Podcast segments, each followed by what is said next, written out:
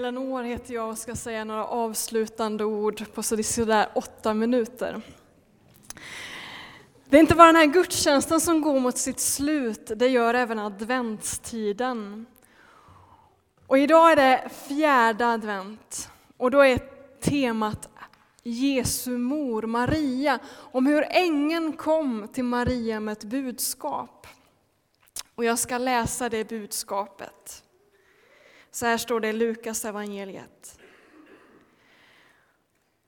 Var hälsad du högt benådade.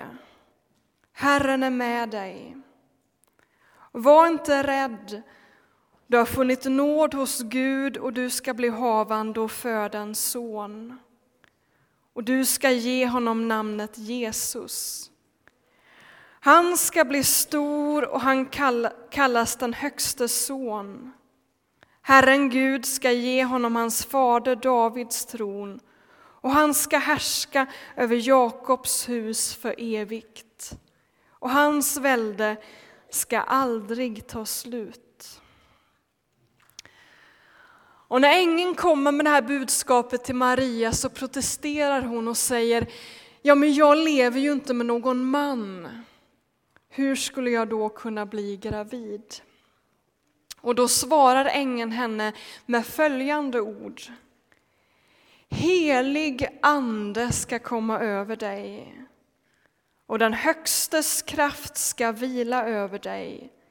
Därför ska barnet kallas heligt och Guds son. Och så sker också med Maria. Helig ande kommer över henne och hon blir havande. Hon födde Jesus, frälsaren, en evig frälsare som är här mitt ibland oss än idag. Maria var nog ganska förvirrad där när hon hade hört ängelns budskap och så reser hon till Elisabet, en släkting, och där är det som att poletten trillar ner. Och hon börjar fatta vidden av ängens budskap. Och det som händer är att de brister ut i sång. Och även den finns i Lukas evangeliet. Och låt mig få läsa inledningen till den sången. Min själ prisar Herrens storhet och min ande jublar över Gud, min frälsare. Han har vänt sin blick till sin ringa tjänarinna. Från denna stund ska alla släkten prisa mig salig. Stora ting låter den mäktige ske med mig, hans namn är heligt. Någonting sker med Maria, hennes inre bubblar av tacksamhet och hon stämmer upp i en sång.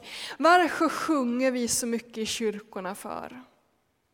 Jo, för när våra böner sjungs istället för att talas så är det som att det går djupare in. Speciellt om vi låter kroppen bli till ett med dessa sånger i dans eller andra fysiska uttryck, då går det djupt in. Att vända handflatorna upp mot himlen är ju ett universellt bönuttryck. Att vända kropp och själ mot Gud. Och Det är vad som sker med Maria. Hela hennes väsen vänds mot Gud. Min själ prisar Herrens storhet. Min ande jublar över Gud, min frälsare. Och varför sjunger hon? Jo, för att Gud gör någonting stort med henne. Det är vad hon säger själv. Och det är stort, det är jättestort. Guds ande, Guds heliga ande sänks över Maria och hon blir gravid. Den heliga ande i henne blir till ett foster. Ande blir till kött, Gud blir till människa. Därför är detta med jungfrufödseln så viktigt. Om Jesus bara varit en andlig superhjälte, då hade Josef kunnat vara pappan. Men nu är Jesus inte en andlig superhjälte, han är Gud själv. Ande som blir kött. Och då är jungfrufödseln det enda alternativet. När Gud ska bli människa. På så sätt är Maria unik.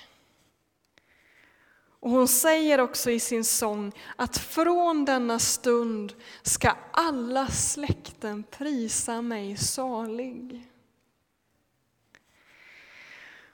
På så sätt är Maria unik.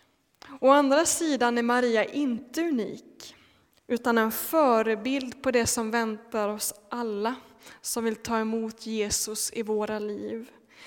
I Apostlagärningarna, till sist, så står det om Maria. Det står att lärjungarna möttes i övre salen på ett hus som de ofta brukade ses i. Och där finns Maria med, Jesu mor. Och de möts till bön. Och en dag så faller anden över dem alla. Inte bara över Maria. Och det som sker är att de alla blir lika Jesus. Maria blir lik sin egen son.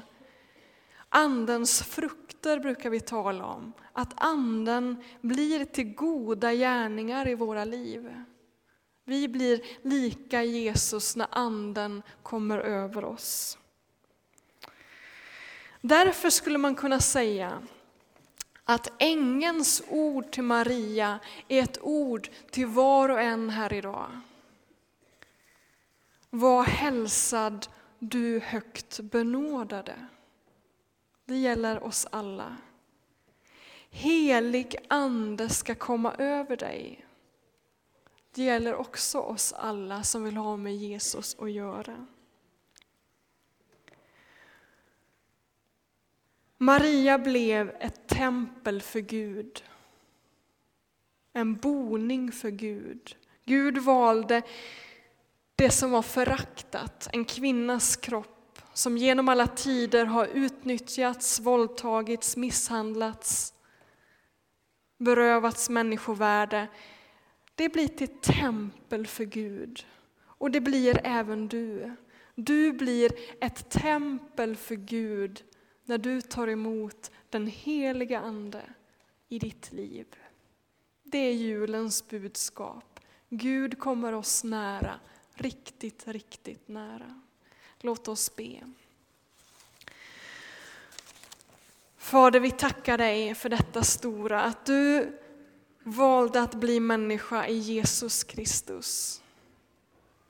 Tack att du kom med din heliga Ande över Maria. Och nu ber jag dig att du skulle komma med din heliga Ande också över oss.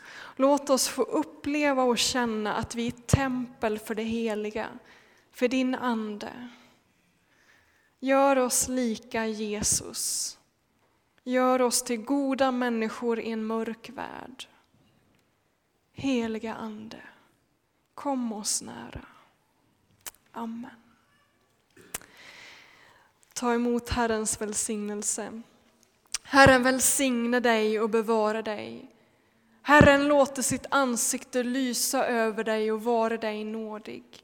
Herren vände sitt ansikte till dig och giva av sin frid. I Faderns och Sonens och den helige Andes namn. Amen.